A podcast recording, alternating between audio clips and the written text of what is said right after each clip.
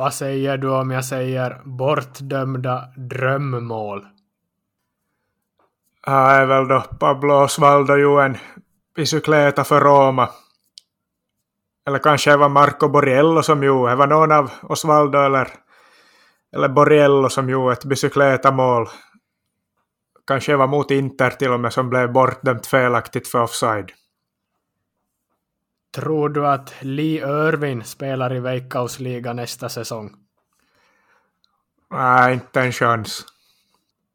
Vad säger du om jag säger Dejan Stankovic? En Serie A-legend med ett riktigt bra långskott.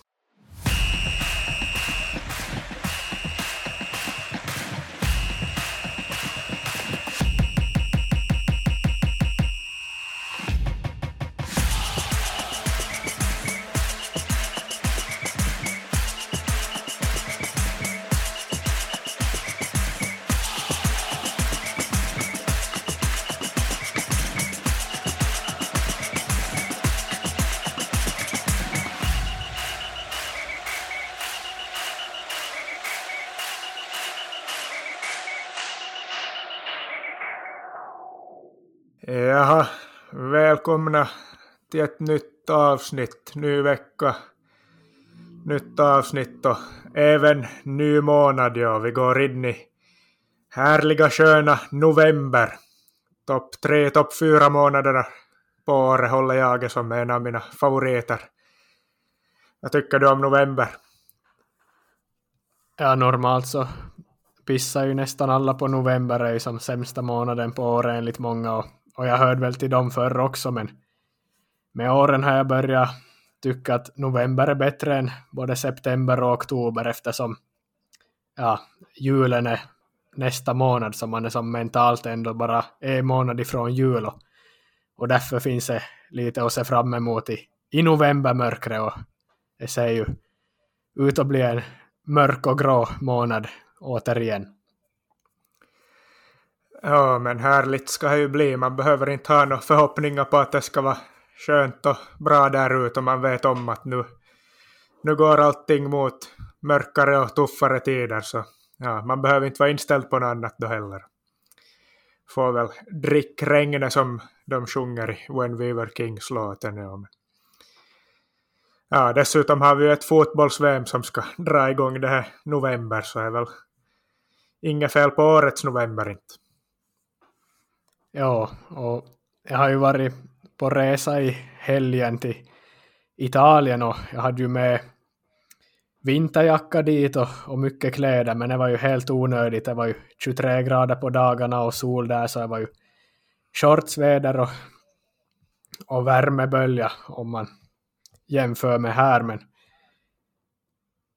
men nu är man tillbaks här i, i, i gråa Finland igen och ja, vi ska väl återkomma till, till de matcher jag var och kollade på, men vi gör väl det lite senare, för vi, vi kan väl inleda med lite, lite annat, eller vad, vad tror du?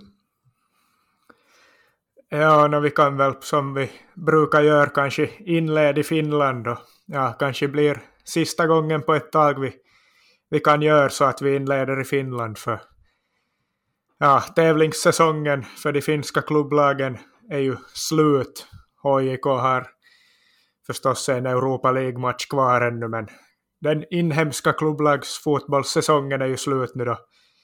Veikkausliga är över och den här Europakvalturneringen är slut. Det blev aldrig riktigt spännande det här dubbelmötet mellan VPS och Haka. Haka tog väl välförtjänt en, en, ja vad blev det till slut?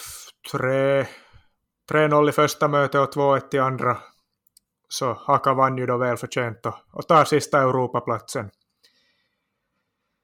Ja, blev som sagt aldrig riktigt spännande. Var själv lite så det halvt på väg hit i söndags och far till, till Valkeakoski härifrån Åbo med ett gäng ifall ja, ifall det skulle ha funnits något spel före matchen men ja, 3-0 borta seger för Haka på onsdagen i, i Vasa på Sandviken så beslöt vi nog oss ganska tidigt att vi, vi skippar nog Valkeakoski-resan. Ja, och Lee Irvin, skotske anfallaren i Haka blev ju tungan på vågen här, han gjorde ju hattrick på Sandviken i första mötet och en säsong med 20 mål ungefär totalt är det väl någonting sånt som man har kommit upp i så är ju en, en av säsongens absolut bästa spelare och skytteligavinnaren och ja, är väl svårt för Haka att behålla honom nästa säsong. Han har ju gjort flera säsonger i, i skotska ligan i olika klubbar där och man blir väl inte förvånad om han återvänder dit eller möjligen till någon annan liga men han är väl kanske lite för bra för finska ligan. Ja, så nu senast här att halva intresserade och några andra engelska klubbar i Championship och, och på sån nivå, men ja, det lär ska finnas intresse från lite överallt och det kan man ju förstå när man gör 20 mål. Trots att det är bara Finland och finsk fotboll så 20 mål är alltid 20 mål. Ja, inte, inte lär han ju bli kvar här i Finland nästa säsong. Det skulle vara förvånande om, om han på något sätt skulle lämna kvar här, kontraktet tar ju slut. Och intresse från andra håll lär väl nog vara för stort för att kunna hålla han i Finland. Men ja, han är ju förstås en av de stora faktorerna till Hakas stora, stora framgångsrika säsong här, att de ju en, en riktigt bra och positiv säsong. Inte trodde man ju att det skulle gå så här bra för dem. Och ja, inte tänkte man väl något speciellt när Lee Irving kom till Haka till säsongen. Inte var väl som att man hade förväntat sig något. Ja, man visste väl inte vad man skulle förvänta sig riktigt. Inte tänkte man väl desto mer på att han ens hade kommit. Eh, ja, no, en spelare som hade gjort det helt okej okay, kanske, eller ja, no, inte ens helt okej okay i skotska ligan och, och, engelska lägre ligorna, så vad ska man nu ha för förväntningar när en sån spelare kommer till Finland vet man ju inte, men han överträffar väl nog alla förväntningar skulle jag säga. Man kan kanske lite jämföra honom med Billy Ions som spelar i SJK och Kemi före det här för, för flera år sedan. Han gjorde i alla fall någon riktigt bra säsong, men han måste väl sluta karriären. Jag tror han, jag vet inte om det var, det var väl nog skadorna som gjorde att han måste sluta, men Lee Irvin, lite liknande spela typ brittisk anfallare, men Irvin hade ju till skillnad från Ions gjort flera säsonger i i högsta ligan i Skottland innan han kom. Och visst, vi pratade om honom lite här i, i vintras när Haka skrev kontrakt med honom, men ja, inte hade vi ju förvänta oss att han skulle gå och vinna skytteligan sådär bara. Och, och Haka måste vi väl säga att det är en av säsongens absolut största glädjeämnen i finsk fotboll och ett lag som absolut får godkänt i betyg och mer därtill. Ja, Haka är väl ett av de positivaste inslagen på hela säsongen och ett glädjeämne. Och ett av lagen som får mer än väl godkänt i betyg och man unnar ju dem och den klubben att få spela ut i Europa igen Det är väl länge sedan. När skulle de senast ha varit där? Det måste ju ha varit i början av 2000-talet om jag inte minns fel eller blandar ihop det. Men det är ju kul att de får ta sig ut i Europaspel för första gången på många år. Ja, det var ju fint tifo eller en banderoll där det stod Paska koskelta Eurooppaan från Valkea Koski. En paska koski som vissa tydligen kallar det, en, en skithåla, men från den skithålan ska man ut i Europa nu. Ja, det är ju mäktigt och ja, kul när Conference League har kommit de senaste åren så att sådana här klubbar att vi får, ja en klubb mer får spela ut i Europa från Finland. Ja, klubbar från sådana skithålor som Valkeakoski kan få ta sig ut i Europaspel så är ju, är ju kul ja, men ja, jag tänkte att vi kan snabbt gå igenom lite alla lagens säsonger här i Veikkausliga och snabbt ge ett betyg åt alla och Haka ger vi väl mer än väl godkänt för den här säsongen. Ska vi ta VPS snabbt då? Som stod för motståndet här i, i sista omgången av Europakvalturneringen så får väl de också mer än väl godkänt. Inte hade man ju några no förhoppningar på att de skulle besegra Haka, inte allt. Ja, det skulle ha varit ett mirakel eller underverk om de skulle ha tagit sig ut i Europa som nykomlingar, men deras säsong kan man väl inte heller ge annat än mer än väl godkänt. Äh, och HJK får man ju också såklart ge godkänt när man går och vinner ligan, även om man nu har varit mer överlägsna under andra år, men självklart godkänd säsong om man vinner guld. Och, och kups, även om man blev andra och föll ihop lite så vann man ett cupguld, så för mig är också de fullt godkända om man kollar på ja, 00-talet överlag så är ju ett cupguld och en andra placering väldigt starkt för, för dem. Ja, HIK jo väl, ja, de motsvarar förväntningarna. Jo, ungefär vad de skulle ha, det är ju att ta veckosligatiteln. Ja, sen, ja, de är ju ungefär vad de ska göra. Kanske inte så mycket mer än så. Helt, ja förstås bra i Europaspelet, ta sig till Europa League, men ja, skulle det nog ha varit ännu högre betyg så ska de väl gå och vinna kuppen också, men ja, inte kan man ju ge dem underkänt. De är ju, ju en godkänd säsong och, och samma gäller väl kupp som ja, liten besvikelse blev, blev ju liga, liga hösten, seriehösten då de lite, ja inte riktigt orkar med HJK men cupguldet ger ju dem säsong också godkänt och ja, samma gäller väl Honka sen att deras säsong ska ju också ses som väl godkänd med tanke på att de inte gjorde en, en jättebra säsong i fjol och ryckt upp sig riktigt ordentligt och var med en bra stund i, i guldstriden och tog en Europaplats och spelade riktigt bra fotboll så Honka får väl nu också riktigt godkänt för sin prestation under säsongen. Och godkänt får man väl också ge AC Oulu som tog klubbens främsta placering någonsin när man tog en, en mittenplacering. Man kom, kom inte i övre slutspelet men ändå fullt godkänd säsong. Men är det några andra lag som får positiva betyg eller är det mer negativ klang på övriga lag? Ja, sen börjar det ju vara mer negativt förstås. Haka och, och Vepsu sa vi att var positiva också. Ja, IFK Mariehamn är kanske lite sådär mittemellan. De räddar ju uppe och gjorde bra på hösten en riktigt fin andra halva av säsongen, men första halvan var väl riktigt dålig och riktigt svag så det är svårt att definiera deras säsong. Andra halvan mer än väl godkänd och första halvan nästan gränsar väl till underkänd men får väl land i att de får ett, ett godkänt betyg ändå är väl alltid en bedrift för en, en sån klubb att bara hålla sig kvar i högsta serien så nu måste man väl ge dem just och just godkänt tycker jag.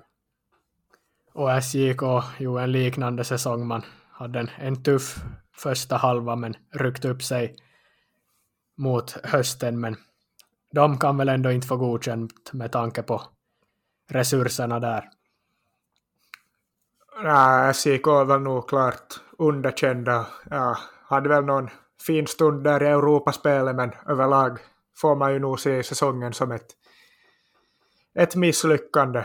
Lite ryckte de upp sig efter katastrofstarten men ja, de hamnar redan där för långt efter och, och jag hade inte så mycket att rädda sen. Rädda väl lite vad som räddades kunde men inte så mycket mer än så. Men jag är nog klart underkänt och ja, och sen skulle de ha kunnat ta en Europaplats via, via den här Europa-kvalturneringen då men föll ju ut där direkt mot AC Oulu på hemmaplan så jag landade väl nog i, i ganska ordentligt underkänt betyg där och och samma sak med Inter som också ska vara ett lag som slåss i toppen och, och gör bättre ifrån sig än vad de gjorde i år. De blandade och gädd mycket under hela säsongen och fick aldrig riktigt fart på varken spel eller resultat. Så ja, jag tycker deras säsong också får klart underkänt betyg och sen förstås storstryk mot VPS i, i första omgången av den här kvalturneringen till Europa så Inter och SIK är väl två av topplagen som eller de två av topp sex lagen som får klart underkänt. Man hade förväntat sig mer av båda två. Ja, och rejält med underkänt så jag bara sjunger om med ger vi väl till både Hifko och Lahti, även om Lahti klarar sig kvar, men katastrofsäsonger för båda klubbarna. Ja, är nog 100% underkänt och 120% underkänt i, i HIFKs fall. Så är väl nästan onödigt att ens kommentera det något mera. Då har vi väl bara Ilves okommenterat kvar då. Ja, vad ska man säga om Ilves? Med tanke på vad de skulle kunna vara. De skulle kunna vara en storklubb och toppklubb i, i Veikkausliga skulle man ju tycka, men är ju ganska långt ifrån och sånt och landar väl på en, vad blev de, nionde till slut. Ja. Fick nog aldrig riktigt någon fart på säsongen de heller, hade ett ungt lag och så vidare, men ja, ja. Ser man till vad klubben skulle kunna och kanske borde vara så ger man väl nog dem just och just underkänt dem också. En liten underprestation sett till vad de kanske borde vara.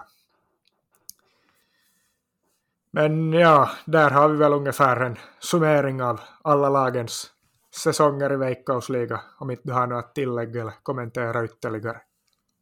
Nej, det är väl bara skönt att vi får stänga dörren och inte öppna den före, före på våren, även om vi såklart kommer beröra vad som händer i, i klubbarna och med skenor på transfermarknaden och sånt, men det ska bli skönt att, att inte prata om finska ligan på ett tag i alla fall.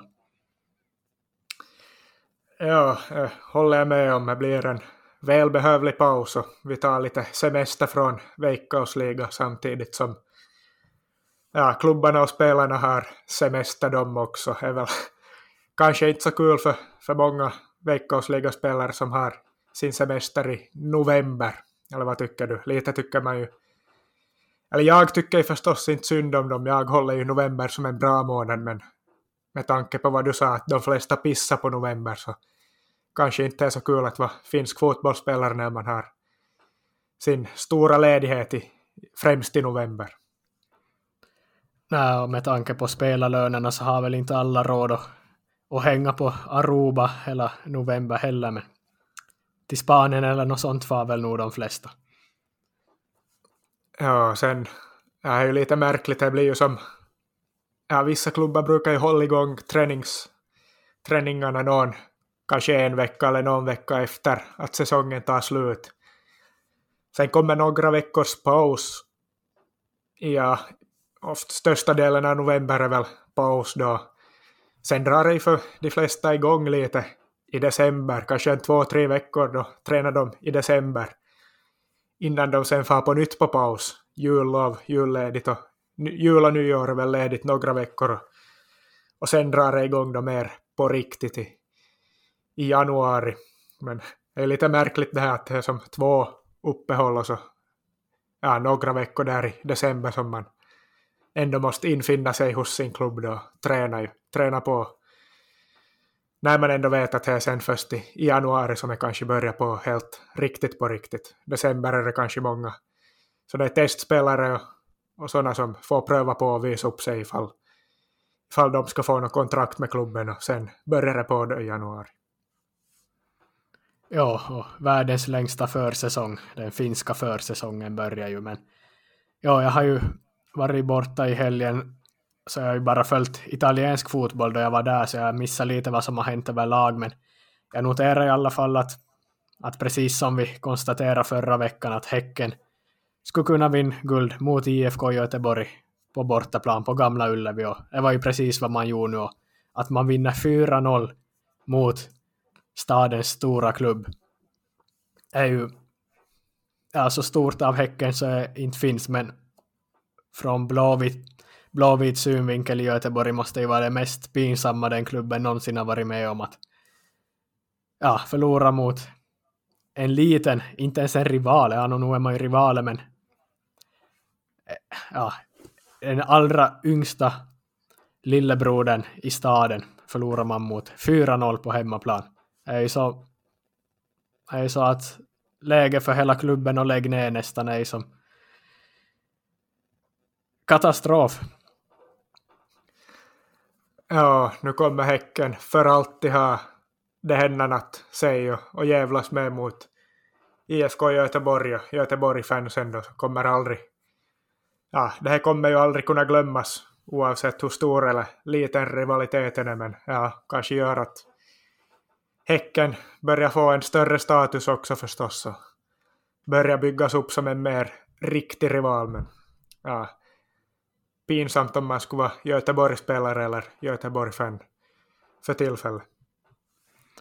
Allra mest intressant tyckte jag ju var att Diego Lugano gratulerade Häcken på sitt Twitterkonto. Han, han gjorde ju en, en vårsäsong där 2015 då han skulle komma i form för Copa America. Och, ja, eh, han skulle ju platsa i kategorin på kända utländska profiler i svensk fotboll. Vi gjorde ju det avsnittet om, om sådana liknande fall i Finland. Och, men i Sverige har ju funnits liknande också som Lugano i Häcken och Hamsik i Göteborg i fjol. Men det var extra kul att Lugano kom ihåg att han har spelat några matcher i Häcken och gratulerat dem till guldet. Ja, vem vet så satt han kanske och kollade på matchen också och jubla vilt och entusiastiskt och kanske han är en riktigt stor Häcken-supporter han då sen, sen sin tid där. Tror kanske inte att Marek Hamsik knappt ens notera hur det gick för IFK Göteborg eller att det hände. Jag tror inte han brydde sig nämnvärt om man kollar en annan känd profil som har varit i någon av de klubbarna. Jo, nej. Och i övrigt så noterar jag att Tuija Hyrynen slutar spela fotboll på, på damsidan, en av finsk fotbolls allra största spelare i modern tid, eller i alla fall de senaste tio åren med 121 landskamper och flera ligatitlar i, i Juventus och en bidragande orsak till att, att de gick starkt när de startade upp sitt damlag. Och, ja, hon har väl det var väl ingen överraskning, jag väl sippra ut lite rykten om att det här var hos sista säsong. Ja, inte var väl någon större överraskning och det är väl ett bra läge att avsluta karriären säkert efter, efter EM. Ja, och i Uruguay så har ju Luis Suarez gått och vunnit ligatiteln för National. Det är ju någonting som inte har missat heller. Det var ju kul, han är ju där i, i Uruguay hemma i... Ja, ah, han är ju nationalsupporter och fick spela nu och vinna guld i sin sin favoritklubb hemma i, i Uruguay och det är ju ett korttidskontrakt fram till VM men. Han verkar verkligen trivas där och få spel inför fanatiska supportrar och, och njuta av fotbollen efter att han, hans kontrakt gick ut i, i somras med Atletico de Madrid men får se om han landar i MLS efter VM som är ryktas som är han har ju fortfarande mycket fotboll i sig fast han är 35 år, men det skulle vara lite synd om det skulle bli Los Angeles Galaxy som är ryktas om. Jag skulle hellre se honom i någon, till exempel i någon turkisk storklubb eller något, ja, så högt upp som möjligt i, i hierarkin i någon utmanarklubb i någon av toppligorna till exempel. Ja, han har ju mycket fotboll kvar i sig som du säger och det lär vi nog få se i VM ännu. Jag rätt så säker på. Tror starkt också på Uruguay som du också pratade om som att de kan gå riktigt bra i, i VM så ser det ju bra ut där. Suarez lär nog vara med och bidra återigen en gång. Ja, förutom Suarez så spelar ju också Franco Fagundes i i National och blev såklart då också seriemästare där han också nu på samma gång som Suarez. Fagundes som jag var inne på alltså i ett tidigare avsnitt och är någon som jag tycker att folk ska ha, ja ett namn jag tycker folk ska ha i minne för han kan komma att uträtta stora saker ännu i, i karriären. Så ja, Franco Fagundes och Luis Suarez båda bidragande faktorer till att National gick och vann ligan i Uruguay här igår eller när det var, igår kväll, igår natt. Yes, är det något, något annat vi behöver ta upp som i aktuell fokus? Vi, vi behöver inte rabbla resultatet, blir lite enformigt om vi varje vecka ska gå igenom omgångarna som har varit, men är det någonting vi ännu behöver nämna innan vi går in på min fotbollsresa? Nej, no, inte egentligen. Det har väl varit en, en riktigt sån klassisk ligalunk helg det här. Inga, ja, inga speciellt stora möten på det sättet, utan mer en helg som har, ja, en helg i mängden som flyter ut. Sen när man kollar på säsongen så, så var det nog inte något mycket som avgjordes här i helgen. Förstås Liverpool med andra raka ligaförlusten och förlust hemma mot Leeds på Anfield. Det är jobbigt just nu om man, man väntar nog bara som Liverpool-fan på att det här VM-uppehållet ska komma så får man hoppas att saker och ting repar sig och att vi tar igen oss under uppehållet. Kanske vissa spelare får lite välbehövlig vila äh, ska man hoppas att spelarna åker ut tidigt ur VM, de som spelar, jag vet inte. Men ja, som Liverpool-supporter skulle man ju inte tacka nej till det kanske, även om man förstås önskar dem allt, allting gott och allting väl också med landslagen. Men ja, jag kommer rätt så lägligt det här VM-uppehållet som är bakom hörnet och får man hoppas att vi får nytt liv i säsongen efter jul. Men nej, annars är det väl nog bara att, att gå in på din resa för det har väl inte hänt något, något på det sättet speciellt i, i de största ligorna i, ja, under veckan inte. Nej, för Liverpools del krävs det väl några poäng till för att säkra kontraktet och det blir en, en kamp mot nedflyttningssträcket som det ser ut nu. Men... Ja, just nu är vi ju lika dåliga som vi var då Roy Hodgson hade oss under 2010-11 säsongen. Vi har väl samma poängsaldo efter lika många matcher som man hade under Roy Hodgson-tiden, så jag säger väl ganska mycket om hur, hur dåligt det går för Liverpool i, i ligaspelet just nu. Yes, men om vi går in på, på de matcher jag har varit på. Jag var ju på tre matcher på fyra dagar. Och den första var ju i Helsingfors i torsdag, så även om vi stängde finska ligasäsongen så var ju ett lag kvar i, i gruppspelet i Europa League, såklart HJK då som tog emot Roma.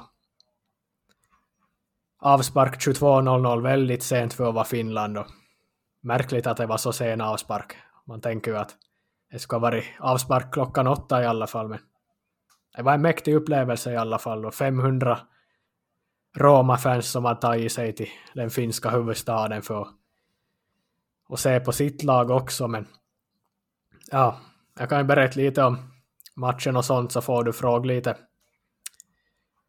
Eller ja, om det är någonting jag glömmer att säga eller någonting du vill veta, men du kollar väl matchen på, på TV antar jag? Jo, det gjorde jag nog. Tyvärr kunde man inte vara på plats så det blev att kolla framför TVn då istället. Bra stämning såg jag ut av åtminstone. Ja, det var bra att det gick igenom TV-rutan för det var ju faktiskt en, en otrolig stämning. Jag vill nästan påstå att det aldrig har varit lika bra stämning på en match med ett finskt klubblag. Ja, på hemmaplan då i Finland. Det var ju helt otroligt. Jag jag måste säga att det var, ja med tanke på att det är en arena med 12 000 eller 11 000 och någonting sånt. Det var en maxprestation av publiken. Inramningsmässigt var det som 10 av 10. Det, som, det blir inte bättre, det går inte att få det bättre. En borta skara med 500 romanister som sjöng såklart, men, men de blev överröstade faktiskt av HJK och klubb i Pääty som drog igång alltså sån, sån enorm stämning och ett mäktigt pyrotifo och flagghav före matchen. Och det var verkligen så att många såg ju som sin ja det är de här kvällarna man vill vill uppleva om man är ett finskt lag, en finsk supporter, i det här fallet HIK då som som verkligen de Eh, smittade av sig till plan. Spelarna blev verkligen höjda av det här trycket och för många var ju livets match när en, en europeisk storklubb som Roma och José Mourinho kom till, till huvudstaden. Ja, det blir ju höjdpunkten i, i karriären för säkert många av spelarna att man får, får spel mot Roma eller åtminstone en av de stora höjdpunkterna för ja, vissa blir det inte bättre än så det för någonsin i karriären så jag är ganska säker på att de nog njöt av hela tillställningen och atmosfären. Och det tyckte jag också märktes på spelarna. Och HJK stod ju upp bra, tvinga Roma att göra ja, gör mer än vad de kanske skulle ha önskat. Jo, är svårare än vad Roma kanske hade tänkt sig. Eller ja, no, Mourinho efter matchen pratade i alla fall om, om att Roma kom dit och, och siktade på överlevnad. Eller han pratade, han tog i alla fall många gånger ordet överlevnad i sin mun. Så säger ju ändå någonting om HIKs prestation när Mourinho pratar om överlevnad när hans Roma ska möta ett, ett finskt fotbollslag som HIK. Så, ja, eh, här ska ju HIK ha pluspoäng för att de får Roma och, och vad heter han, Mourinho att prata om överlevnad efter matchen. Jo, han klagar ju på att man skulle spela på konstgräs och, och det förstår man ju såklart, men han, han menar ju att det var en nackdel för Roma och ja, som du säger att HJK höjdes ju av publiken och gjorde en, en jättebra match då man stödde Roma och Lu, Lukas Lingman på mittfältet, han vågar ju ta emot boll och han jag imponerades verkligen av hans lugn. Han, fast han mött storstjärnor så spelar han likadant som han gör i, i andra matcher och han, där ser jag nog potential i en spelare som kan gå långt men men jag var ju en, en tolfte spelare i form av publiken som höjde hela Roma och, och hette Majs inställning hela matchen. Det var ju, han jublade ju jättehårt när han när det var en grötig situation framför målet när bollen täcktes av flera spelare och Roma inte fick in den. Han, han jublade nästan lika mycket då som när han gjorde kvitteringsmålet till 1-1 efter att Roma hade tagit ledningen så kvitterade ju Hetema i andra halvlek och då jublade han ju såklart också. Men ja, och då blev det ju bra tryck på, på stadion där, men sen gör ju Roma 2-1 eh, självmål av El Sharawi som slår ett inspel som stöts in i eget mål. Då trodde man ju att det var, att det var nog över för kvällen, men sen så kommer ju ja, det, det är helt ofattbara. Då HJK gör 2-2 efter att David Brown gör ett, ja, ett drömmål. En projektil från 30 meter rakt upp i krysset. Snyggaste målet jag någonsin har sett live. Det var som för bra för att vara sant. Det var ju som inte att han gjorde mot, mot Lahti i en seriematch inför 800 åskådare utan han gjorde mot Roma i Europa League inför en fullsatt arena och om det skulle ha funnits ett tak på stadion skulle, skulle taket ha luft för det var sådana otroliga scener då han trycker in det där målet och men ja, sen kommer ju VAR in i bilden och, och hittar en, en hand i ansiktet på är det Brian Cristante i Roma. Och, och domaren dömer bort mål helt ofattbart och hela publiken skanderar Uefa maffia och ja, det är ju någonting som vi klagar ju alltid på domare och på VAR, men i det här fallet så att man dömer bort ett skott från 30 meter för att det har varit någon, någon hand i ansiktet där i på någon back som är långt ifrån situationen, även om det är skedd i samband med att bollen nickades undan någon gång där, så det var nog helt ofattbart att man dömer bort målet, för det var ju som ett mål som man aldrig skulle slutprata om. Man kommer minnas det här målet även om det inte blev godkänt, men om det skulle ha blivit godkänt och ja, möjligen då rädda en poäng, ett 2-2 resultat mot stora mäktiga Roma så skulle det varit som kanske tidernas mål i finsk fotboll, men domarna lyckades döma bort det och ja, förstod du någonting då du kollade på TV? Nej, no, inte först, men ja, alltså när jag kollade på TV, jag kollade här och så matchen med min flickvän och vi pratade lite där. Så det, ja, han förde en diskussion där då under matchens gång om någonting, inte minns jag vad vi pratade om, men sen kommer det här målet då, skottet, och man ser som direkt att bollen kommer flyga upp i krysset. Så man blev ju helt, vi var mitt i en en debatt om någonting men båda blev helt tyst bara. Helt i chock av att vilket mål det var. Helt sjukt.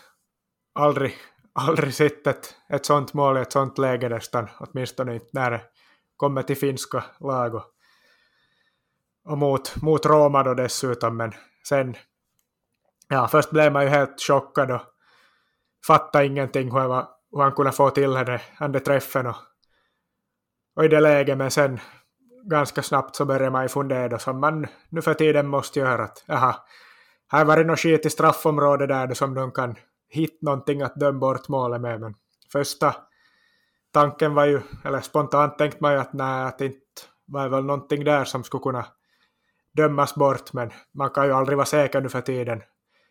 Och ja, så visade sig då att jag hade varit där den där handen i ansiktet och inte vet jag vad man ska säga. Ja, det är ju en hand i ansiktet och det ska ju inte... Det är ju mot regelverket förstås, men det är ju ett mål som aldrig skulle ha dömts bort innan vars tid. Alltså max ett av hundra mål skulle ha dömts bort för en sån förseelse på ett, ja, ett långskott så det för en hand i ansiktet där i, i straffområdet då så ja, man blev ju förbannad men ja, vad, vad ska man som säga? Är väl ja, ett regelbrott av Malik där som trycker upp handen i ansiktet men utan var skulle målet aldrig ha blivit bortdömt. Men jag tyckte Viaplay-studion var in på någonting ganska ja, klokt, att, eller någonting vettigt. Att, ja, det, var ju, det var ju tur att vi i alla fall fick tro att målet var godkänt. Att vi fick ändå en minut eller två minuter där vi trodde, där hela landet, alla, hela stadion, hela, alla som såg på TV var helt i chock. Och, och så vi fick ändå en, en till två minuter där, där vi trodde att det var sant. Och de minuterna får vi ändå ta med oss resten av, av livet för många. För en otrolig stund och någonting som folk kommer minnas. Och, ja, några minuter fick vi i alla fall tro att det var, att det var sant. Lite som när Pohjanpalo gjorde mål mot Ryssland i, i EM.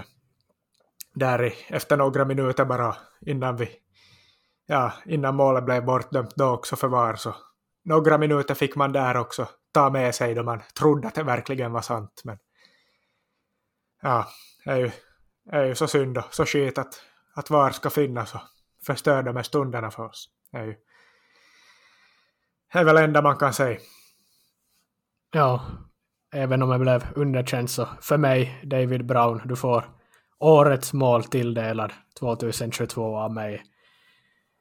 Helt otrolig stämning som jag sa 10 av 10 i betyg för själva fotbollsupplevelsen. Att en, en fullsatt arena, jättemånga bortafans men en hemmaklack som drar igång en helt otrolig stämning. Vi har ju både hylla och, och, och kritisera HIKs supportrar under året men här får man nog ge dem att det här är en Europakväll så man är nog man är bäst i Finland, man är, man är störst och bäst och mäktigast. Det är ingen annan som spelar i Europa regelbundet om vi säger så, men HIK har börjat göra mer och mer. Fotbolls eller matchupplevelsen 10 av 10, eller 9 av 10 kanske, skulle HIK ha fått ett resultat med sig, kryss eller vinst, så skulle det väl varit 10 av 10, men och om målet skulle ha godkänts så skulle jag ha varit 11 av 10. Det skulle ha varit en sån stund. En av tusen. 999 gånger händer det inte en sån grej, men den tusende gången så kan ett sånt skott gå in från 30 meter och det skulle ha varit en sån kväll. Det blev en, en mäktig kväll som alla kommer minnas, men det skulle ha kunnat bli utan var så skulle ha blivit tidernas kväll i finsk fotboll och jag är helt säker på att jag, ja, inte ska man säga aldrig, men det var mäktigaste atmosfär jag någonsin har upplevt i Finland när det är ett klubblag inräknat och om inte blir något liknande Europakväll om något år där HJK då troligen också kan vara inblandade så är det nog en sån här kväll som är en av de, de mäktigaste som har hänt i finsk fotboll. Och det är ju såklart, ska vi ju säga, att det är lätt att vara bra och ha en bra stämning när man spelar inför strålkastarljus på kvällen mot en stor klubb som Roma och att man fortfarande är teoretiskt med i kampen om, om avancemang, i alla fall en, en tredje plats till att gå vidare till, till Conference League som tredje placerade lag i Europa League-grupperna skulle ha haft chans att komma med i. Men, men även om det var lätt att vara bra en sån här kväll så tar det inget ifrån att, att det var sjukt bra tryck på HJK Roma. Ja, om man inte skulle göra till en av de bästa kvällarna i, i sin klubbs historia så skulle det vara, ja då skulle man göra någonting fel men men nu märkte det att HJK, fansen och, och klubben gjorde mest av situationen nu så inte ja, inte finns det någonting att klaga på utan snarare ska de nog hyllas för, för allt de fick till den där kvällen. Synd att, att inte fick en, en magisk avslutning. Men ja, du har ju varit på två andra matcher också. Och en på lördag, en på söndag. Och det var it, mera italienska lag involverade där, eller rättare sagt bara italienska lag. Och, och Serie A-fotboll som du var på. Det blev väl en två speciella kvällar så jag åtminstone två väldigt olika publikupplevelser. Ja, jag hade ju, eftersom vi hade biljett till HJK och Roma, jag och farsan, så funderade jag ju att det var ju så sen avspark och man skulle inte ha kunnat slippa hem till Vasa där på natten. Så då började jag fundera vad ska man göra i Helsingfors på fredag. Jag var tvungen att ta ledigt oavsett då. Men så kom jag ju på att ja, men då är man ju nära flygplatsen i Vanda, stora flygplatsen som flyger ut i världen. Så jag kollade ju där för några månader sedan vad det fanns för flygalternativ ut i, i världen som skulle vara tänkbara destinationer. Då, då tänkte jag att ja, jag kan väl åka till Milano eftersom äh, Inter skulle i alla fall spela hemmamatch och jag visste ju inte riktigt hur övriga spelschema skulle se ut den helgen. Det släpps ju bara några, ja, några veckor på förhand. Någon månad kanske, men ja, jag flög till Milano då på fredag och skulle jag haft tur så skulle ha funnits en match på, på fredag någonstans i norra Italien också, men det var bara Bari i Serie B som spelade, så det var lite långt att ta sig till södra Italien, men fredag tog jag nog bara lugnt och gick runt i Milano och kollade på, på allt som finns där då inte jag har varit och utforskat själva stan. Jag har bara varit på flygplatsen förr och jag gick ju bland annat till Nacka Skoglunds gamla bar där han höll till under glansdagarna på, på 50-talet när han var en stor stjärna i Inter. Men, men ja, sen på lördag var ju dags för match då på kvällen och jag åkte ut i, i god tid till San Siro eller Stadio Giuseppe Meazza som är kallas när Inter spelar hemma. Och jag var ju nog, ja även om man har sett det på tv och hört om arenan så var det nog mäktigt att komma upp från metrostationen och se arenan, hur ståtlig och majestätisk den är och att sen gå in på arenan det var nog en, en mäktig upplevelse och, och du har ju varit, varit på San Siro förr och du håller väl nog helt klart med om att det är en av fotbollsvärldens mäktigaste arenor. Ja, det är ju som ett, ett tempel där spelas fotboll. Helt fantastisk byggnad fantastisk fotbollsarena. Är, är väl nog topp tre arenor i, i hela världen skulle jag sett den som. Det är ju helt horribelt att beslutet har tagits att de ska riva den om några år är väl till typ vinter-OS 2026 efter det någon gång som som är tänkt att San Siro ska rivas och är ju är ju ett kulturarv de river, det är inte bara en fotbollsarena utan det är ett kulturarv och jag, jag fattar inte varför de inte bara kan renovera lite i så fall och, och fixa till vad som behöver fixas utan måste börja bygga nytt istället. Det är helt sjukt att San Siro ska rivas, men jag är nog, är nog en arena man rekommenderar folk att besöka nu medan chansen ännu finns, för den finns inte under de många år ännu, mer. Ja, det var också en anledning till att jag valde att gå på, på fotboll där på antingen Inter eller Milan då, i det här fallet Inter. Och det är nog branta läktare och ja, en makalös upplevelse att, att ta del av. Och det var ju 73 000 människor på plats, det är ju alltid mer publik då Inter-spelare än då Milan-spelare. Det är ju lite oklart varför, men Inter brukar ju i snitt dra ungefär en ja, förr var det väl 10 000 mer, jag vet inte hur det ser ut nu, men det är någonting som lockar mer med Inter ofta, men det var ju en speciell kväll då Sampdoria kom på besök. Ju bottenplacerade Sampdoria i dagsläget, man är ju annars en klassisk klubb som ska höra till mittenskiktet och kanske nos på Europaplatsen, men nu är man i botten och man har sparkat tränare och tagit in interlegendaren Dejan Stankovic, så han fick ju komma tillbaka till, till San Siro som motståndartränare och han möttes ju av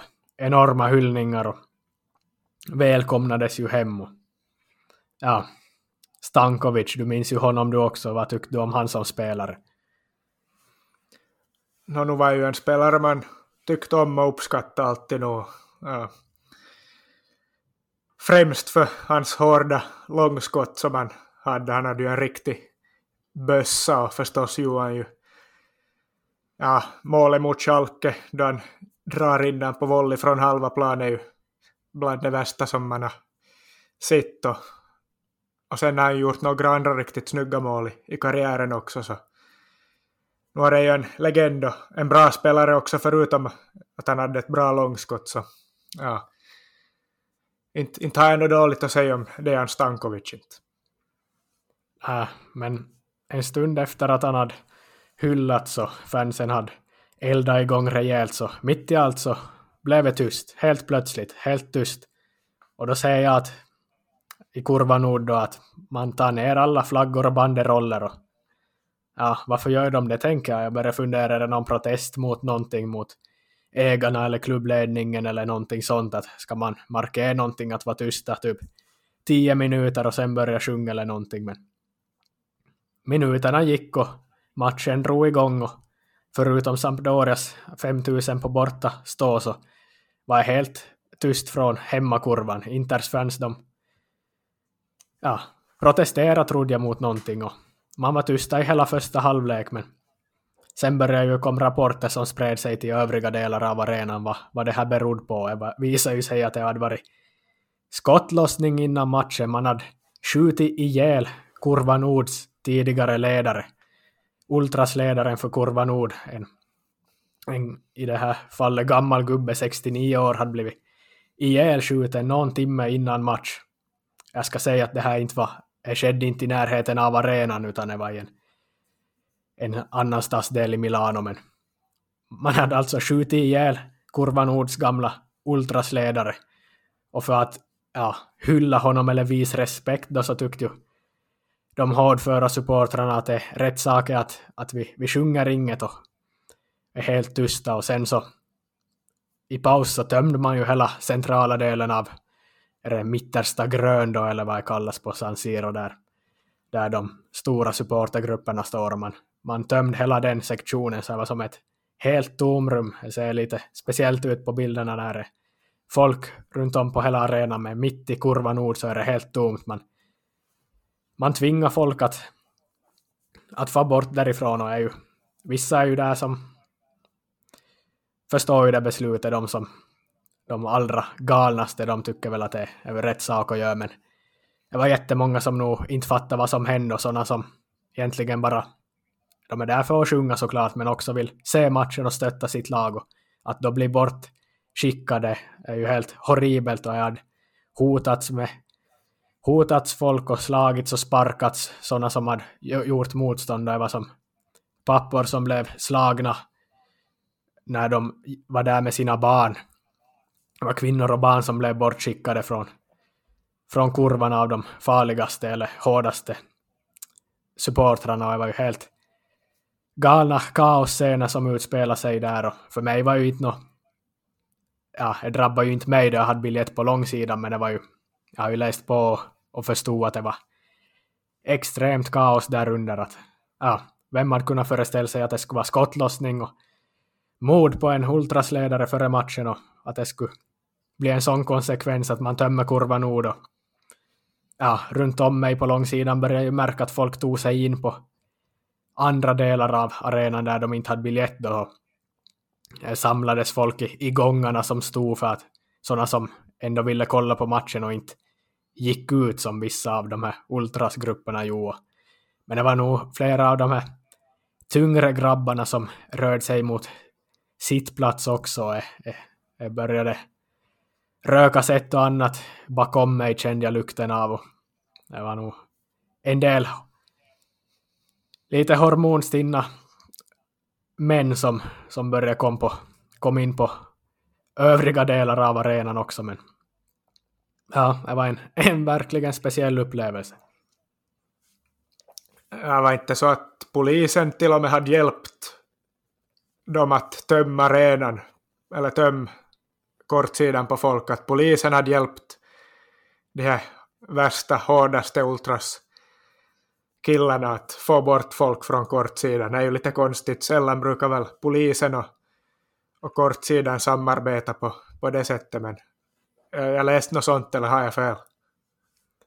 Ja, det just det har inte jag läst om, men det kan ju vara någon sån här poliser som är ja, i supportrarnas grepp, alltså sådana som jobbar för stadions säkerhet och sånt. Men det är ju helt otroligt överlag att klubben Inter som klubb inte lyckas ta itu med det här problemet att man folk som har betalat biljetter och åkt 600 kilometer upp från södra Italien och från andra delar av Europa med bil och kommit dit för att se matchen bli bortskickade och ja, såklart ingen kan förbereda sig på att det ska vara en att en supporterledare ska bli ihjälskjuten före matchen är ju som man har ju aldrig varit med om något liknande att det har skett en sån här aktion att man tömmer en hel ja, stor del av kurvan mitt i allt. Är ju som såklart Inter som klubb kunde inte riktigt föreställa sig att något sånt här skulle hända men det var ju det hände och som klubb visste Inter inte vad de skulle göra åt saken utan det var supportrarna Ultras som tog helt över och styrde, dikterade villkoren och tog makt över hela händelsen och ja, det var ju en hetsk och otrygg stämning som rådde där runt, runt om och i katakomberna bakom kurva nord. Det var ju tur att man inte hade biljett där för då skulle man ju ha blivit utsparkad. Ja, det var väl lite tur för din del, ja, men ja, det är väl ett bevis och någonting som visar att, att ultrasgrupperna i, i de här länderna, Italien och, och sådana ställen är, är mer än bara fotbollssupportrar som följer sitt lag, utan det kan vara, kan vara ännu större eller andra, andra delar som, som påverkar hur de gör sina beslut och hur de beter sig och ja, vad de sysslar med, deras verksamhet. Det är inte bara fotbollen som styr ultrasgrupperna i, i de här länderna.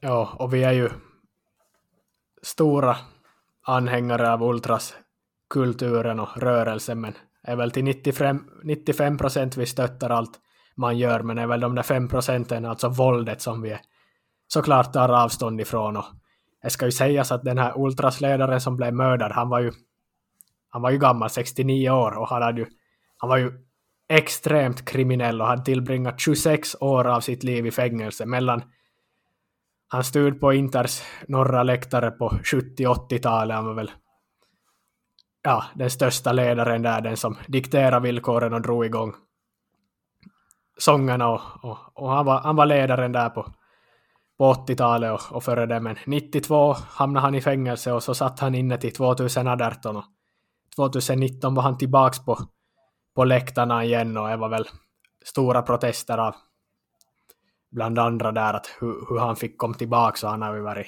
i schism med klubben och i konflikter där och, men sen har han blivit avstängd på nytt eller som, han får inte han har inte fått vara inom två kilometer från San Siro för han är för ja, man har inte koll på honom, han, han är farlig. Han, han håller på med svarta börsen, marknaden och droghandel och dömts för massa illegal biljettförsäljning och sånt och är han som är högsta hönse där och han är fortfarande var han väl inblandad i den kriminella världen och blev alltså ihjälskjuten av någon som ja, hade ouppklarade affärer med honom kanske då, men det var ju bisarrt att vara jag gick ju miste om sångerna som ekade i 90 minuter på San Siro. Jag fick ju uppleva stämningen i, innan matchen, då var det ju jättebra tryck och sånt, men sen blir det plötsligt tyst och ja, såklart Sampdoria-fansen bidrog ju med. De fick ju ta över arenan och dominera totalt, så det var ju ändå volym på arenan, men det var ju synd att man gick miste om, om att hemmakurvan sjöng, men å andra sidan var det ju en sån grej som man en sån stund som man kan säga att man var på plats när det hände, när Kurva Nords ledare blev ihjälskjuten en timme före avspark och ja, en bisarr kväll. Ja, en på sitt sätt säkert historisk kväll och ja, de här ultrasledarna och de här figurerna som är mest inblandade och ledarna är ju nog ofta sådana som har ganska mycket skit på sitt samvete så är det väl knappast en helt oskyldig man som blev ihjälskjuten som du är in på men ja, läktarmässigt fick du en lite annorlunda upplevelse. Jag kan väl bekräfta att man nog gärna ser en, ett fullsatt Kurva Nord som sjunger för full hals.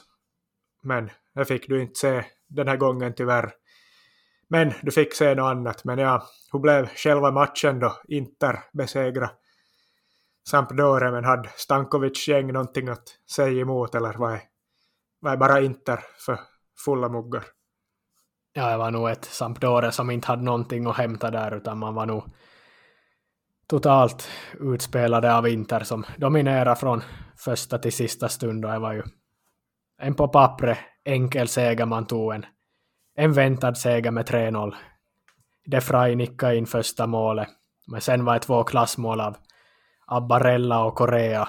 Korea coast to coast mål sprang från nästan från eget straffområde ända till offensivt straffområde och gjorde 3-0 men Nicola Barellas 2-0 var ju kanske allra snyggast. En, en riktigt smekande mottagning och ett skott upp i, i nättaket. Och det känns ju som Barella bara gör snygga mål. Är det, är det bara jag som har fundera på det eller tänker du på samma sak att Barella han börjar bli en lite en sån spelare som man förknippar med bara snygga mål?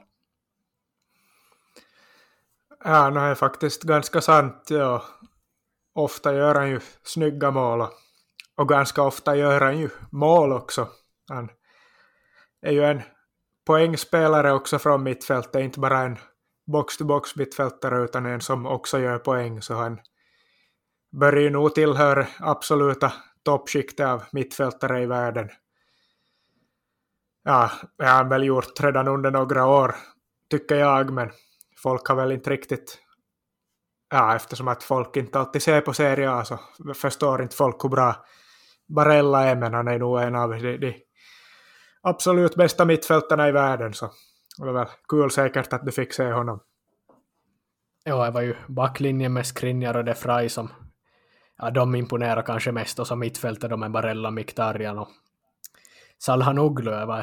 försvaret och mittfältet som var riktigt bra, såklart lätt att spela mot Sampdoria som var dåliga, men, men anfallet med Lautaro Martinez och Edin Dzeko, de imponerar inte. De gjorde båda dåliga matcher och Dzeko han var en, en riktig hackkyckling varenda gång han gjorde något, något fel eller missade en passning eller någonting så han är verkligen en hackkyckling där, fast han har gjort det bra så så är man inte sämre än sin senaste match, som man brukar säga, men man är, i Italien är man inte sämre än sin senaste aktion eller bollbehandling. Nej, det var väl Gusten Dalini, Tutto Bolutto som höll, eller var det Wilbacher som höll, äh, det var Wilbacher som höll Dzeko som en av de absolut bästa utlänningarna någonsin att spela i Serie A. Höll han honom till och med topp 20 ja, vet nog inte riktigt om jag håller med där. Jag tyckte det var lite, lite överdrivet, även om han nu har haft många bra säsonger i Roma. Men ja, inte är han ju någon, någon topp 20 utlänningar i, i Serie A genom tiderna. Inte. Nej, men ja, San Siro rekommenderas så länge arenan står kvar. 38 euro på långsidan fick jag biljett till, men på söndag var jag ju på en annan match. När jag fick reda på spelschema så ja, Cremonese fanns ju som alternativ mot Udinese och den matchen slutade ju 0-0 och det var ju tur att inte jag åkt på den, för jag har ju varit i Cremona och sett på fotboll tidigare. Och jag valde istället Turin och Torino Milan och det var ju ja, en mäktig upplevelse också. Så först Inter på lördag och, och sen tåget till Turin på söndag för att kolla på Torino. Ja, det är ju de flesta som åker till Turin kollar väl på Juventus, är ju de som har både Italiens, mest fans i Italien men också i hela världen och där är ju turisterna på nybyggda Juventus Stadium. Men,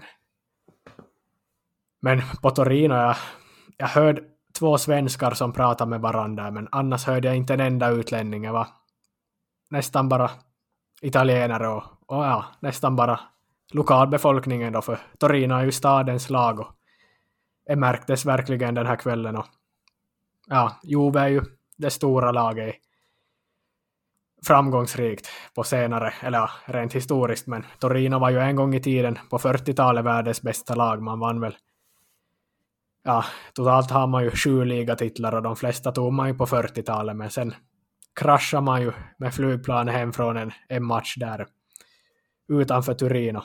Hela laget omkom och sen dess har man ju aldrig återhämtat sig och kommit tillbaka till toppen även om man vann ligan var 77 tror jag så är det väl enda gången man har blivit mästare sen dess. Och på senare år har ju varit konkurser och serie B och nu har man väl börjat få lite ordning på, på grejerna de senaste 15 åren och blivit ett mittenlag igen i Serie A som någon gång har varit med i Europa League där man bland annat mött HJK någon gång här 2014 var det väl men även idag är man ett mittenlag och, och den här gången kom ju Milan, italienska mästarna på besök och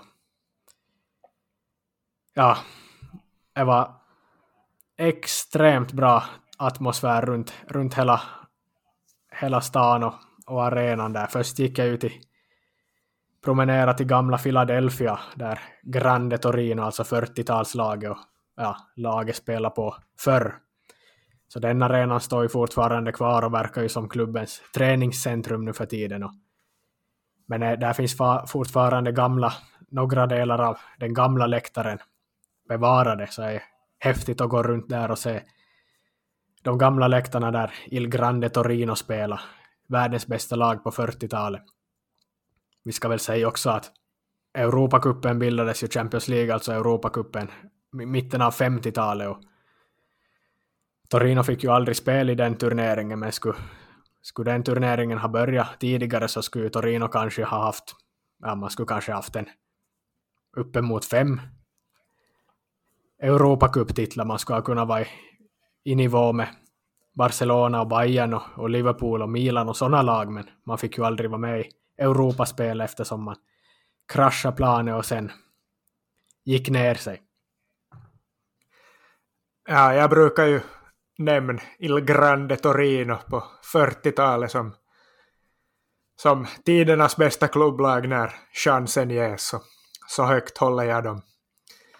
I och för sig är det ganska svårt att bedöma någonting som hänt på 40-talet och sett i jämförelse med ja, bara sen från Europacupen kom framåt. Men ja, om chansen ges så nämner jag ofta Il Grande Torino som tidernas bästa klubblag.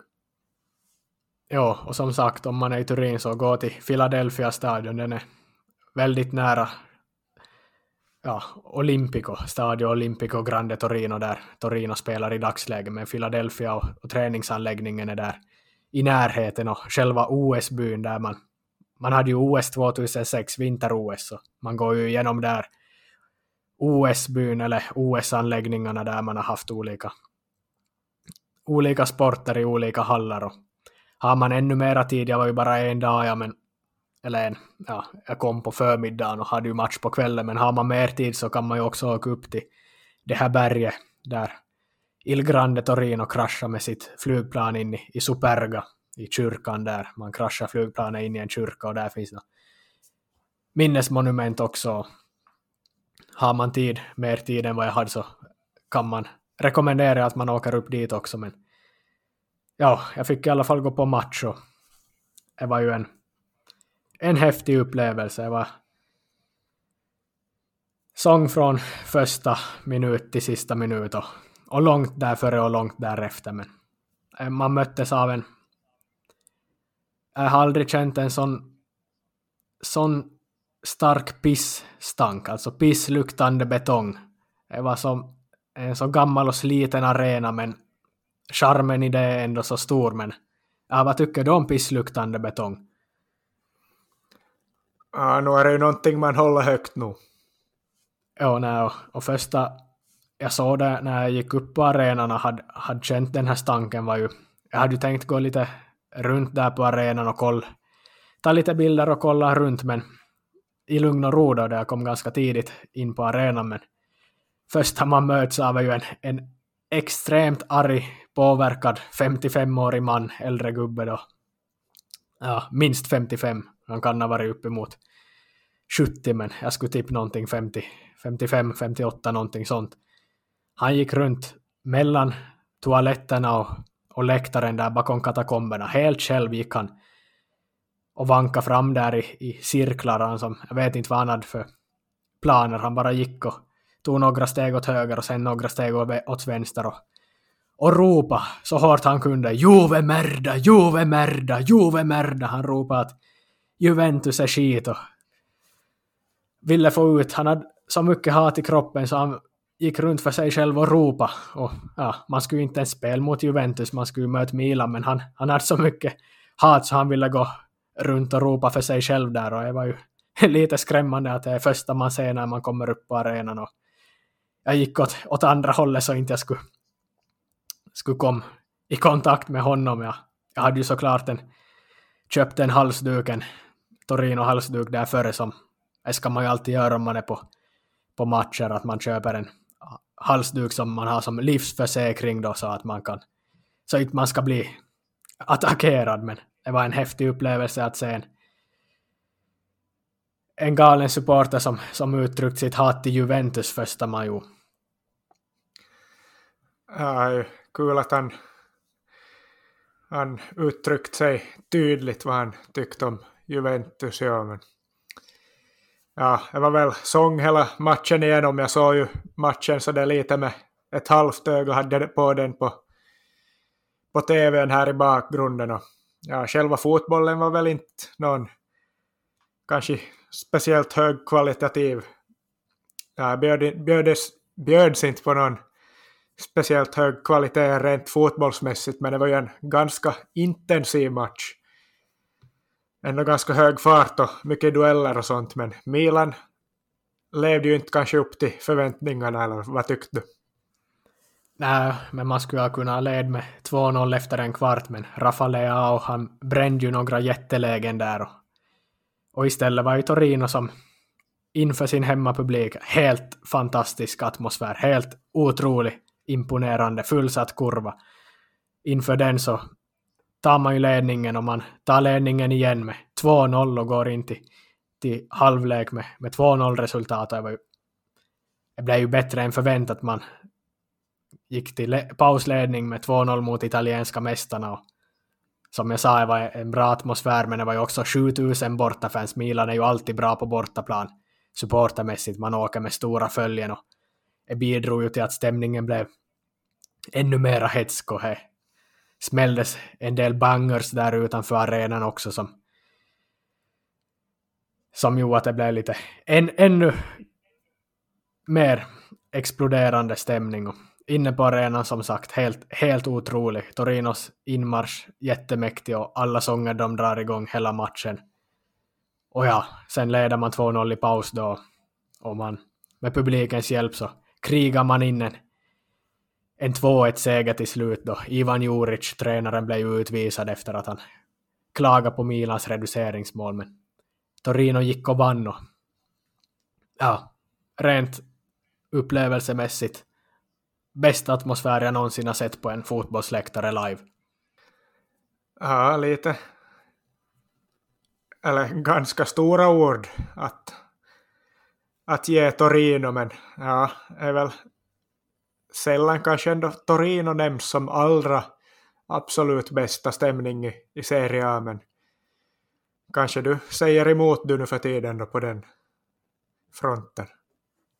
Nej, no, inte man väl bäst, men man är ju ja, alltså är ju storlagen, Milano-lagen och Rom-lagen och såklart Hellas Verona och Napoli. Och, men i samma skikt därefter är nog Torinos hemma, hemma arena, Stadio Comunale, eller Stadio Olimpico Grande Torino som den numera heter. Och lite underskattad och bortglömd är ju som de flesta far ju som sagt och kolla på Juventus och, och där är det ju, även om man är, har lite bättre tryck nu än på Delle Alpi så är det ju stundtals väldigt mediokert på, på Juventus Stadium, eller Allianz Arena eller vad den heter, det är ju en sån här evenemangarena det och man ser ju att det gapar tomma platser där fast de skulle vilja fylla den hela varje vecka men är ju Torino som drar mest folk av, av lokalborna är ju stadens lag och det var verkligen en äkta, äkta genuin känsla att vara på, på en gammal arena som var som inte, till skillnad från Juventus med alla lasershower och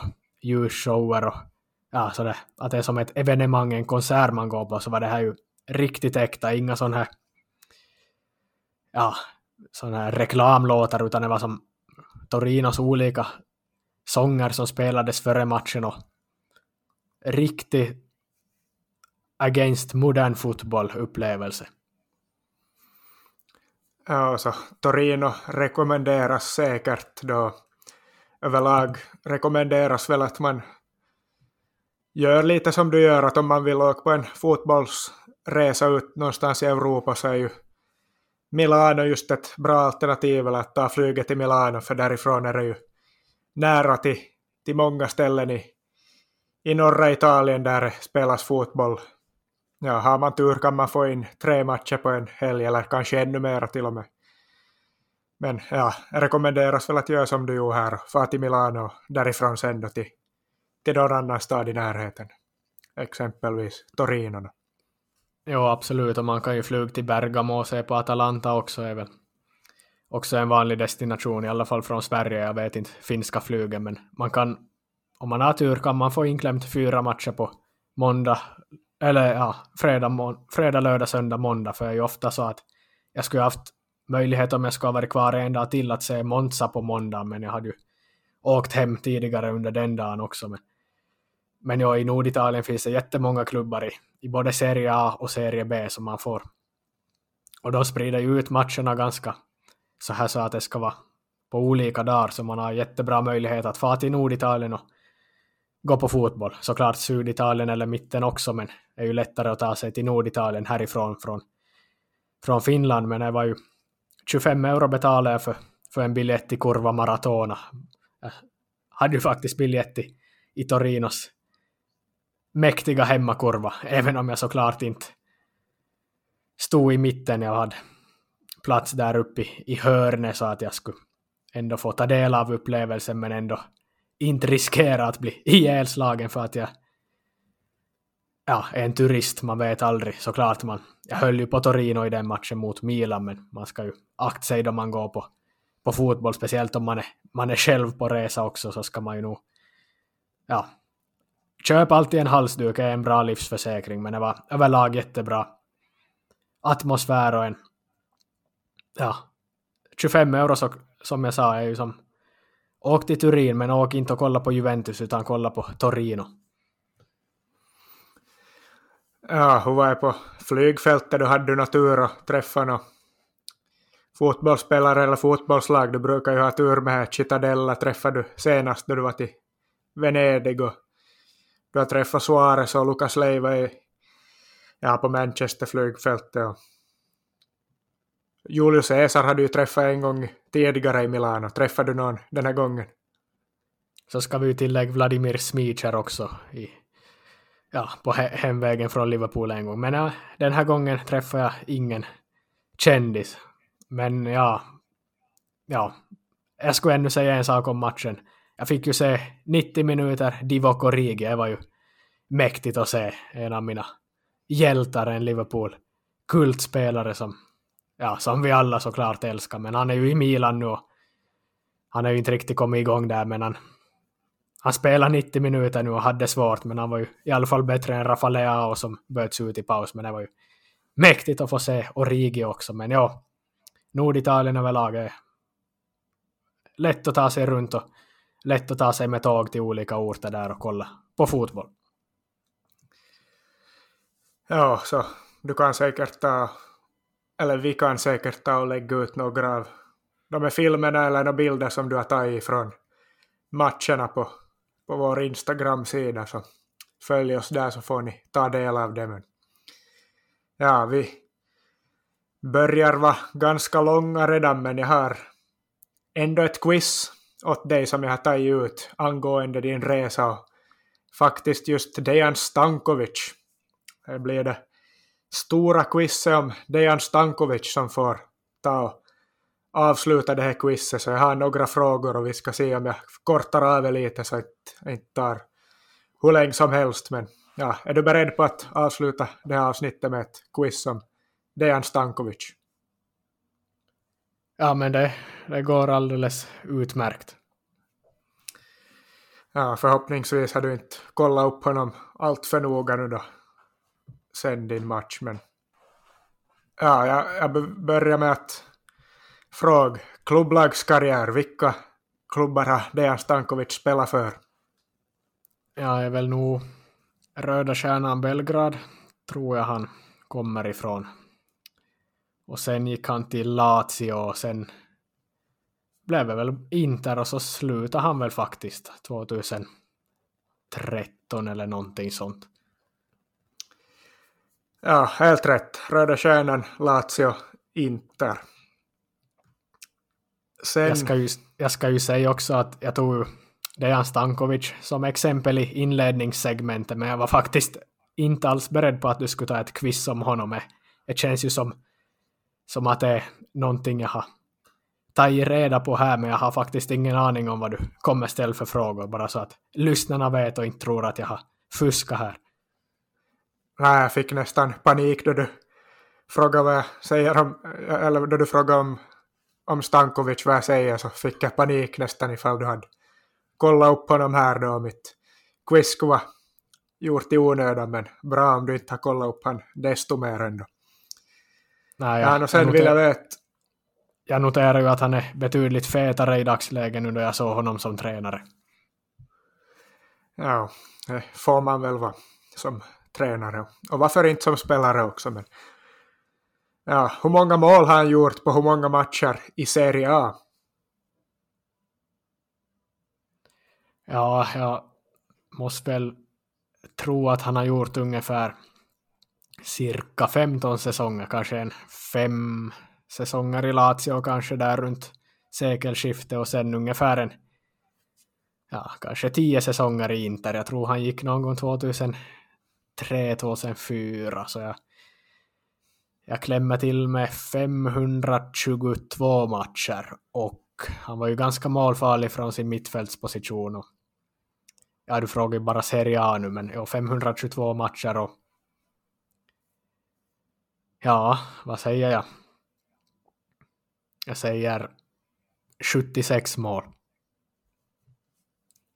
Ja, du tar faktiskt i lite i, i överkant, eller ganska rejält till och med. Han, enligt Transfermarkets statistik är det här nu alltså, men där står det att han har spelat 368 matcher i Serie A och gjort 51 mål på de matcherna, så du tog i lite för, för hårt, men ja, är väl...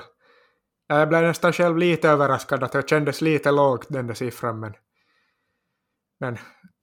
Ja, ser väl ingen orsak att inte tro på transfermarkets statistik. Äh, och jag bevisar väl att jag inte har kollat upp honom på förhand heller. Ja, no, där har vi bevis på det då ifall någon tvivlar på det efter att du satt hans klubblags karriär exakt. Men vi går vidare. Hur många poäng tog Serbien i VM 2010 i gruppen? Ja, nu spekulerar jag högt här. Man, man slog ju Tyskland med 1-0. Tyskland vann ju gruppen där, Ghana, Australien, men man förlorade ju mot Ghana. Bojan Djordjic satt ju i TV4-studio och skakade på huvudet och helt bedrövlig. Han, han är ju serb, men mot Australien, det var väl så att man faktiskt faktiskt förlora den matchen, så jag säger att man tog tre poäng. Ja, helt rätt. Vinst med 1-0 var väl mot Tyskland och sen 2-1 förlust mot Australien där då de skulle kunna gå vidare. Så. Ja, rätt på den frågan också. Sen kommer vi till frågan hur många scudetton har han vunnit under sin tid i Serie A? Ja, han, måste ju, han var ju med då Lazio vann 2000 med Svennis som tränare, Lazios dream team. Så han har ju en med Lazio, men med Inter då, då blir det ju 2005 fick man ju inte någon scudetto, eller den Juventus vann ju 05 och 06, men Inter fick ju den tilldelad 06 eftersom Juventus fuskade och blev tvångsnedflyttade, men 2005 delades det ju inte ut till någon, så, så vi har 2006, 7, 8, 9, 10. Inter vann väl fem raka och så en med Lazio då, så sex scudetton för Dejan Stankovic. Det stämmer, helt rätt. Sex scudetton vann han under sin tid i Serie A. Så. Hittills har du klarat dig riktigt bra, men har ännu en sista, några frågor här då. Det berör alla den här målet han gjorde mot Schalke, du minns säkert då han drog in på volley från halva plan över Neuer som var ute och nickade, in, nickade ut en boll. Du minns väl målet, vet vilket jag pratar om, det är väl vad Stankovic är som mest känd för. Jo, jag vet vad du pratar om för mål. Jag vill först veta vilket skede av Champions League-turneringen var det här, eller var den här matchen? Var det gruppspel, åttondel, kvart eller semi eller final? Det var väl kvartsfinal, man hade väl slått ut Tottenham i åttondelen har jag för mig och sen åkte man ut mot Schalke i kvartsfinalen då. Helt rätt. Kvartsfinal och Inter åkte ut med hela 7-3 totalt över två möten. Och den här matchen slutar ju faktiskt med Schalke-seger 2-5 på San Siro. Fast Stankovic gjorde det här målet i första minuten. Men ja, enda som folk minns nästan från den här matchen är väl det där målet, inte att Schalke faktiskt vann med, med 2-5. Sen vill jag då till slut att du nämner minst fem spelare som startar matchen för Schalke och minst åtta som spelar för Inter. I Schalke börjar vi med Neuer och Matip och Huntelar. Ja, okej, okay, förstås fem utan Neuer. Jag sa ju Neueren, så det ska vara fem utom Neuer.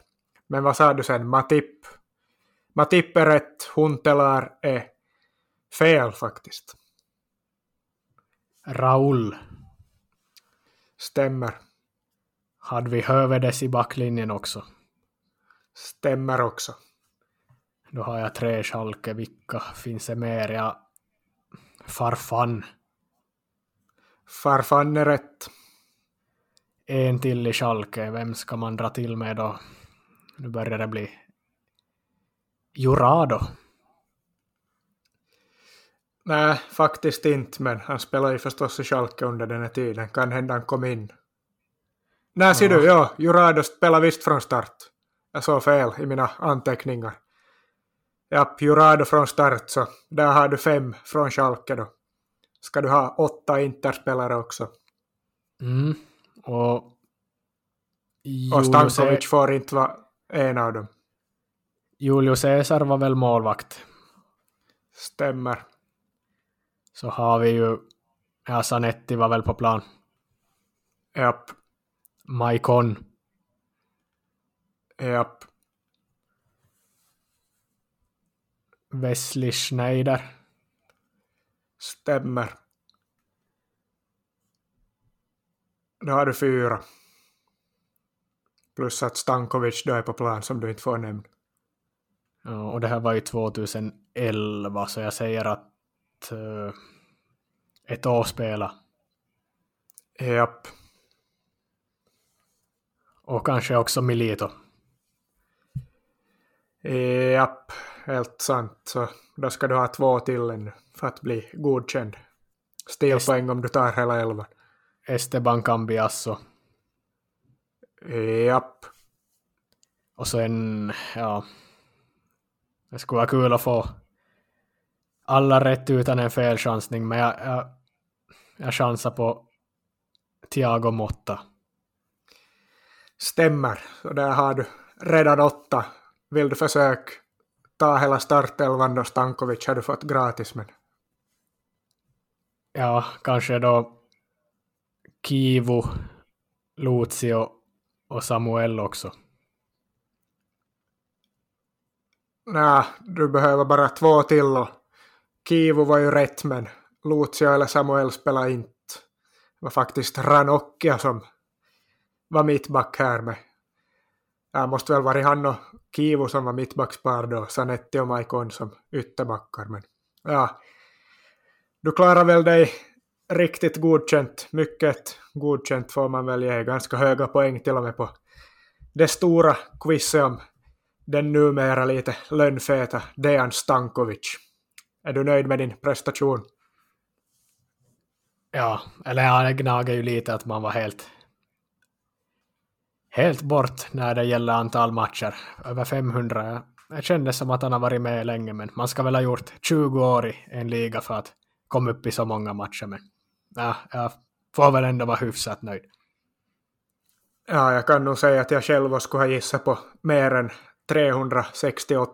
Jag skulle nog ha dragit till med minst 400 jag också, kanske 500. Så inte är det väl en, en gissning att skämmas för skulle jag säga. Men ja.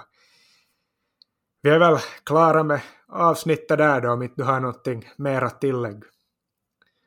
Jag trodde det skulle bli ett lite kortare avsnitt det här idag men det blev istället längre än vanligt. Så kan det gå. Ja, nej men vi, vi återkommer en annan gång och då säger vi bara på återhörande.